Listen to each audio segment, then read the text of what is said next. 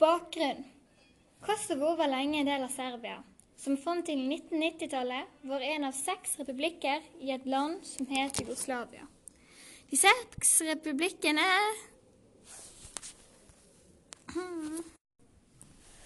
Bakgrunn Kosovo var lenge en del av Serbia, som fram til 1990-tallet var en av seks republikker i et land som het Jugoslavia.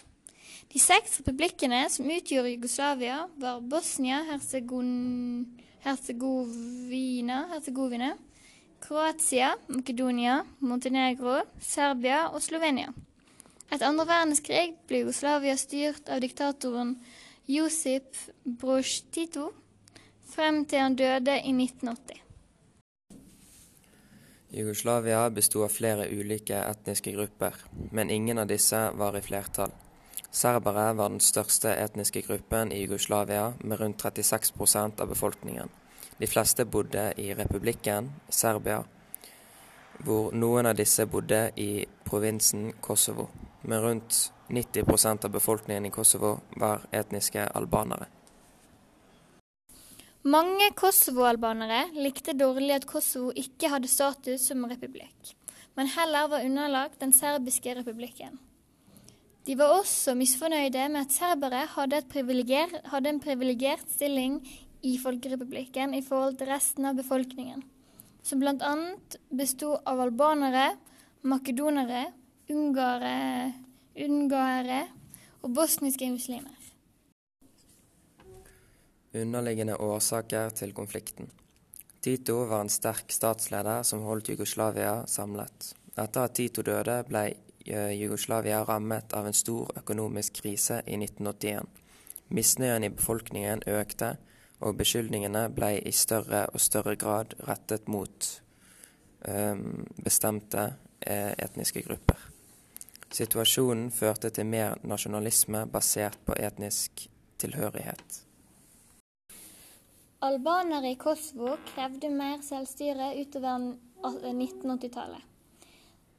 Det kom til uttrykk gjennom opptøyer og omfattende demonstrasjoner som førte til den serbisk-dominerte sentralmakten i Jugoslavia fengslet flere tusen kosovo-albanere.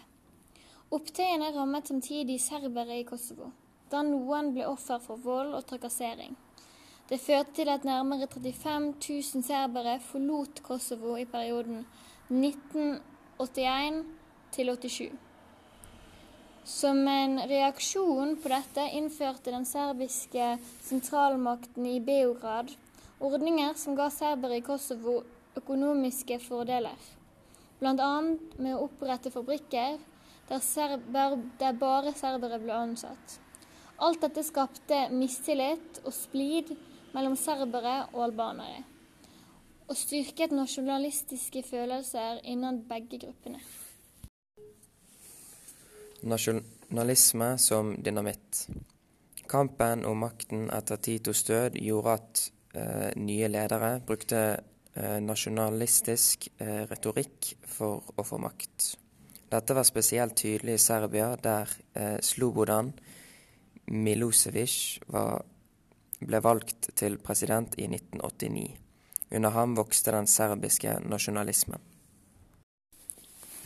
Serbiske nasjonalister hadde et annet syn på Kosovo enn kosovo-albanere. Fortellingen om den serbiske fyrsten Lazar sitt nederlag mot, eh, mot det omanske riket på Kosovosletta den 28. juli 1389 spilte en sentral rolle i serbisk nasjonalisme. Nederlaget i 1389 førte til at Serbia falt under tyrkisk styre i 1459. Albanere utgjorde deretter majoriteten i området, ettersom mange serbere forlot regionen. Den serbiske hæren gjenopprobet Kosovo i 1918.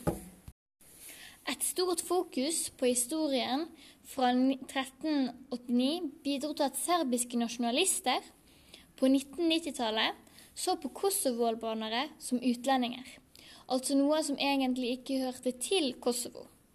Spørsmålet om Kosovos løsrivelse fra eh, Serbia ble derimot oppfattet forskjellig for serbere og kosovoalbanere.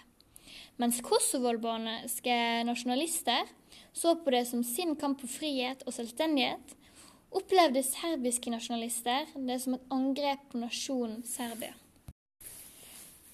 Dette førte til voldelig konflikt i Kosovo mellom den albanske UCK-geriljaen og den serbisk-dominerte sentralmakten i det som var igjen av Jugoslavia. Dødstall og FN-gjenkjennelse. Konflikten i Kosovo drepte omkring 13 000 mennesker. De fleste av dem var albanere og kosovo-albanere. I dag er Kosovo gjenkjent av 98 av 193 FN-land.